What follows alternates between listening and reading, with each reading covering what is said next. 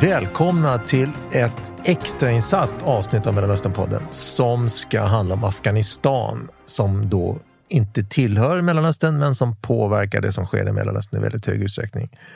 Ett land som eh, undertecknad dessutom har rest runt en hel del i och forskat om under de eh, senaste åren.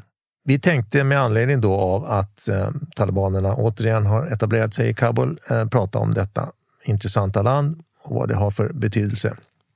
Och det första vi ska säga är detta. Det är inte som 1996. Det har hänt väldigt mycket både i landet och i regionen sedan dess. Det är inte samma situation, det är inte samma Afghanistan, det är andra aktörer också. Och det är, tror jag är en viktig poäng att ha med sig från början. Att talibanerna idag är inte riktigt som talibanerna var då. Eh, det är inte nödvändigtvis goda nyheter, i synnerhet inte för kvinnor och minoriteter. Men det betyder att de måste hantera andra politiska aktörer i landet. Ett exempel på det är att man redan sitter och förhandlar med tidigare presidenten Karzai och tidigare vicepresidenten Abdullah Abdullah och också då med eh, tajikerna i Panjshirdalen. Så det är inte riktigt samma sak som det och var då. Och man förhandlar med amerikanerna. Och man har förhandlat med amerikanerna och förhandlade med amerikanerna under evakueringen också. Och bara det faktum att de gjorde det det här avtalet då som slöts förra året eh, mellan USA och talibanerna visar ju att, att det har hänt saker även i talibanrörelsen. Återigen, som sagt, det är viktigt. Det är inte nödvändigtvis goda nyheter för väldigt många, men det betyder att det blir inte samma sak som 1996. Det tror jag vi kan slå fast. Samtidigt som jag tror att det är viktigt också att påpeka att vi vet inte hur den här utvecklingen kommer att se ut. Nej, det vet vi inte. Därför att det finns också interna motsättningar inom talibanrörelsen. Det finns mera hårdföra grupperingar och det mm. finns grupperingar som inte är lika tuffa och som kanske inte kommer att pressa fram sharia-lagar. Nej, sharia-lagar kommer det nog att vara, men tolkningen av dem kan ju naturligtvis skilja sig. Och det, det, är precis som du säger, vi vet inte riktigt vart det här hamnar. Eh, de riktigt, riktigt hårdföra talibanerna, de har redan lämnat talibanrörelsen och är, finns ju då mera nu bland, tillsammans med IS som ju då etablerade sig i Afghanistan runt 2015-2016 och är naturligtvis en aktör också som talibanerna måste ta hänsyn till. Inte förhandla med utan som de kommer att slåss med. Vilket också betyder att det är inte slut på stridigheterna inne i, in i Afghanistan. Jag tänkte vi skulle gå över till någonting annat som handlar om att talibanerna måste inte för alltid förlita sig på hjälp ifrån väst. Det här är ju en vanlig missuppfattning. Det är faktiskt så att här finns en mycket lönsam handel med opium. Det är 30 procent av bruttonationalprodukten och en växande export av saffran. Här finns rika fyndigheter av guld, silver, olja, naturgas, koppar, litium, järnmalm som Kina gärna vill hjälpa till att utvinna och som man till viss del redan har förhandlat om att försöka få ut någonting utav. Plus att här finns mängder av vattenkraft som kan bli el. Och då undrar jag, vad, vad, hur ska man liksom se på detta? Kommer detta att förändra Afghanistans framtid? Potentialen finns ju där. Eh, och de aktörer nu då som snabbt eh, liksom gamar, slår ner på Afghanistan är ju framförallt Kina och Ryssland. Framförallt Kina. Kina mycket mer än Ryssland. Ryssland ja, är fortfarande ett land som aktar sig kanske lite för att äh, hamna allt för mycket i, i den afghanska soppan. Men Kina tror jag inte har några eh, skrupler överhuvudtaget i den vägen. Och jag tror att vi kommer att få se mycket mer av Kina i Afghanistan nu. Eh, man kommer att förhandla med talibanerna, man gör det redan på olika sätt för att just utvinna några av de här naturtillgångarna som du nämner här. Så det är en aktör som överhuvudtaget inte fanns med 96 i sammanhanget eh, och som kommer att ha en stor betydelse, tror jag, om, om, om, viktigt om, om talibanerna kan få den här tillräckliga kontrollen ska jag säga, över Afghanistan eh, som, man, som de ju hoppas att de ska få. Mm. Så det är helt riktigt att regionen i sig också har ändrats och, och som sagt Kina är ju en aktör som inte fanns med alls för 25 år sedan.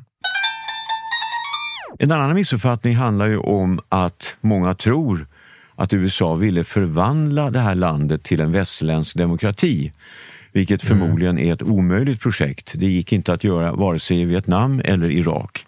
Så om man skulle kort sammanfatta, vad ville USA ursprungligen göra genom att invadera Afghanistan? Ja, det, det är precis som du säger. Alltså, det, det, det, uttalades väldigt klart och tydligt också av dåvarande försvarsministern i USA, Donald Rumsfeld, som sa att det här är “this is not nation building”. Eh, och det var aldrig frågan om det. Det fanns aldrig någon strategisk tanke från USAs sida att, att det här skulle vara någon sorts nation building. Utan då var ju tanken att tvåla till al-Qaida, att ta fast bin Laden, att, att, att eh, straffa de som hade utfört 9-11-attackerna. Men tycker du att man har tvålat till al-Qaida tillräckligt? Två, ja, tvålat ja, tillräckligt. Det kan man ju alltid... Nej, det har man väl inte då. Det här är ju fortfarande en levande, fungerande organisation. Absolut, visst, visst är det så. Visst är det så. Men som sagt, när man gick in där 2001 så var det ju det, var ju, det, var ju det huvudsakliga syftet. Och det har ju hela tiden varit syftet. Alltså alla presidenter, alla, alla administrationer i Washington sedan dess har ju sagt samma sak. Det är framförallt eh, al-Qaida och så på de senaste åren Islamiska staten som vi är ute efter. Och där i tror jag ligger ett stort, eh, eh en, stor, en viktig förklaring till att, det har, till att det har varit så svårt. Därför att det, om, du inte, om du inte har en övergripande strategi till exempel då, vi ska verkligen göra om Afghanistan till ett amerikanskt land och det hade man aldrig. Då kan det heller aldrig fungera och det hade man aldrig. Utan de strukturella förändringarna, de vad ska vi säga, små steg åt nation building-hållet som fanns, de har ju tagits därför att if you break it you own it. Uh, och, och, då måste, du måste hantera det här på något sätt och så, och så blir det en, det som man brukar kalla mission creep det finns egentligen ingen, ingen exit strategy, men så länge du är där så måste du hantera det och det är precis det vi har sett då. Och det är det som har varit, tror jag, en viktig förklaring till att, till att eh, man till slut inser att det här går inte längre. Och det ska ju man har klart för sig också, det kommer ju bort lite grann i diskussionerna, men det har ju Biden sagt i, jag hörde det första gången 2009, så menade han att det här är inte riktigt lyckat. Det här kommer inte fungera långsiktigt. Det här är, är inte vad USA ska ägna sig åt. Så att, att han har drivit den här linjen under lång tid, det är ju ganska uppenbart. Men skulle du säga att man bör se det här som ett misslyckande att de här terrororganisationerna som Amerika då är, som man är rädd för i Amerika, som Islamiska staten och al-Qaida, de finns ju fortfarande kvar. Mm. De finns ju fortfarande kvar i Afghanistan. De utför mm. fortfarande attacker. Ja, det gör de, men de finns framförallt kvar på andra håll än Afghanistan. Eh, de finns i Mellanöstern och de finns i Europa och det, är viktigt, och det, det, det har större betydelse för oss eh, och för USA än att de finns i Afghanistan. Men vad betyder det? Du är inte orolig för att den här nya talibanregimen kommer ge större utrymme åt de här organisationerna att utöva verksamhet och terror? Nej, därför att eh, talibanrörelsen har alltid haft fokus på Afghanistan. De har aldrig haft någon, någon, någon tanke om någon sorts världsrevolution. Utan de har alltid haft fokus på Afghanistan, att göra Afghanistan till ett eh, sharia-styrt eh, emirat. De har aldrig haft några andra ambitioner än så. Sen har man tillåtit, som man till, tillät al-Qaida då eh, och Usama bin Laden, därför att han stötte dem med pengar under lång tid, att, att etablera sig där. Men talibanerna var inte involverade i planeringen av 9-11-attackerna. Och dessutom så är det ju så också att om man har en, vad ska vi kalla det, internationell agenda som ju al-Qaida al har och Islamiska staten också för den delen. Man vill ha en islamistisk världsrevolution. Då är inte Afghanistan det, det, det, det bästa stället att vara på. Det, det, det är ett land eh, utan kust, det är landlocked, eh, det är svårt att ta sig dit, det är svårt att ta sig därifrån. Det finns bättre ställen att vara på i så fall, om, man, om det är det man är intresserad av. Som till exempel Mellanöstern eller Europa. Okay. Och Det är där de här organisationerna också finns det man ska hålla koll på nu, det är en viktig del av talibanrörelsen, eller en allierad del av talibanrörelsen, nämligen Haqqani-nätverket. De är farliga. De har en något mera, i alla fall en regional eh, fokus, eh, mycket mer än vad talibanerna har. Och där har du direkta Vad betyder regionalt fokus här? På, på, på Pakistan och ah. Afghanistan och även på Indien. Och de har direkta kopplingar med al-Qaida. Mm. Uh, och, och, där, det är därifrån, om, om det kommer individer, grupper ur den här situationen nu som kan vara ett problem för, för en större del av världen än Afghanistan så är det den delen mm. de kommer att komma. Det är jag ganska övertygad om. Mm. Inte från Islamiska staten, därför att de betraktas som, som fiender av talibanerna. Där kommer kriget att fortsätta. Men från Haqqani-nätverket och al-Qaida kan det mycket väl vara, bli en sån utveckling. Men jag, jag, tror egentligen inte det, för även talibanerna har lärt sig läxan att, att även om man inte är främmande för att bedriva krig för att uppnå sina mål, för dem är våld ett bra tecken och det här kommer att tas till intäkt som det. Vi vann, för vi mm. slogs tillräckligt bra. Väst gav sig, väst eh, vek ner sig och det är också en läxa som eh, som andra islamistiska grupper kommer att ta till sig. Det är så det här kommer att presenteras. Rätt eller fel, men det är så det kommer att presenteras. Så det, det, det, det är en större risk att, att, eh, så att säga, man tar det här till intäkt för att det lönar sig att slåss Mhm. eh, än att man, att man skulle upplåta territorium. Men det är ju grupperna. korrekt, det har ju lönat sig. Ja, exakt. Men det har ju lönat sig därför att, precis det har lönat sig. Och, och, så att, visst, de har ju rätt. Problemet är ju då att man kommer att anse att det här kan, funkar det där så kan det funka på andra ställen.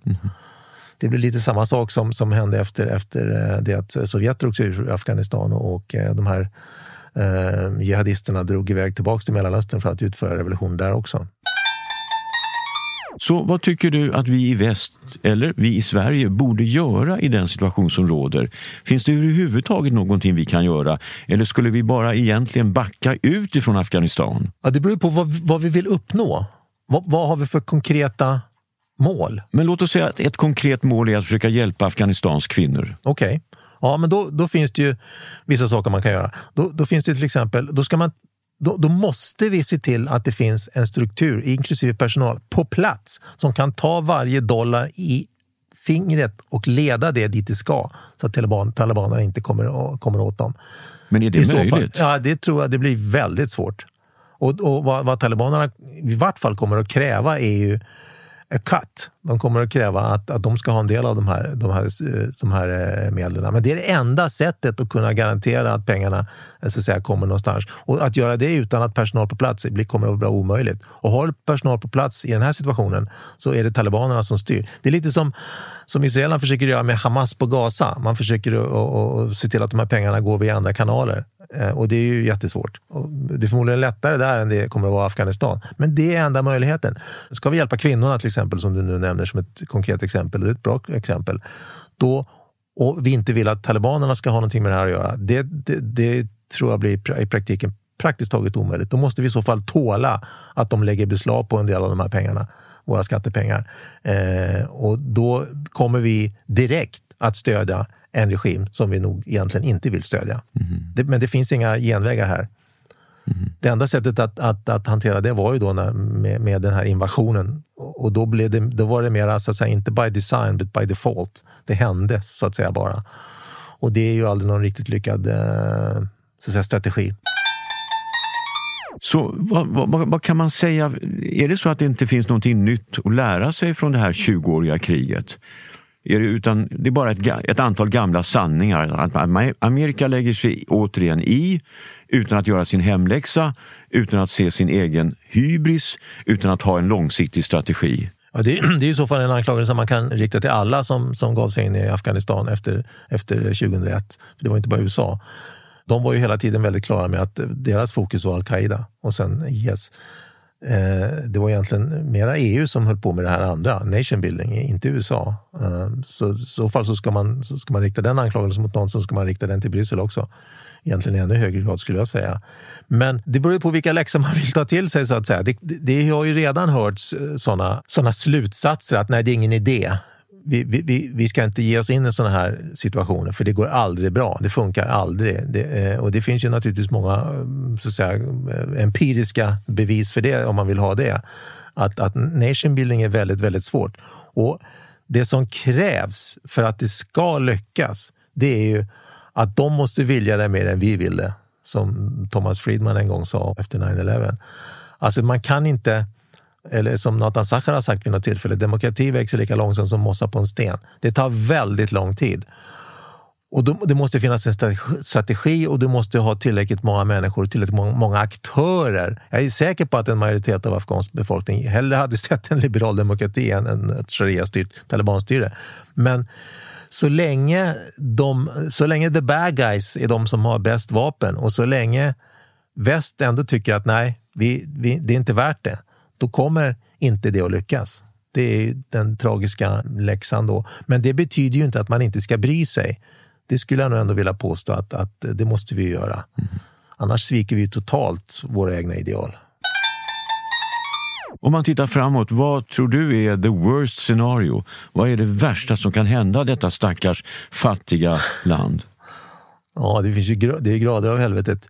Ja, det, det värsta som kan hända är väl att de, de här mera, vad ska vi säga, hårdföra delarna av talibanrörelsen får, får överhanden här och beslutar sig för att eh, på något sätt men det tror jag inte ska jag säga. Men på något sätt återgå till den här eh, tuffa linjen som man hade då på 90-talet. Men jag, jag, är ganska säker på att det inte kommer att hända. Men det vore ju illa. Samtidigt då... Vad som, gör dig så säker på att det inte kommer att hända? Därför att, det, därför att eh, talibanrörelsen ser annorlunda ut. Afghanistan ser annorlunda ut. Du har en generation afghaner som har växt upp utan talibanerna. De finns där. Eh, de kanske inte är beväpnade, det är de förmodligen inte, men de finns där.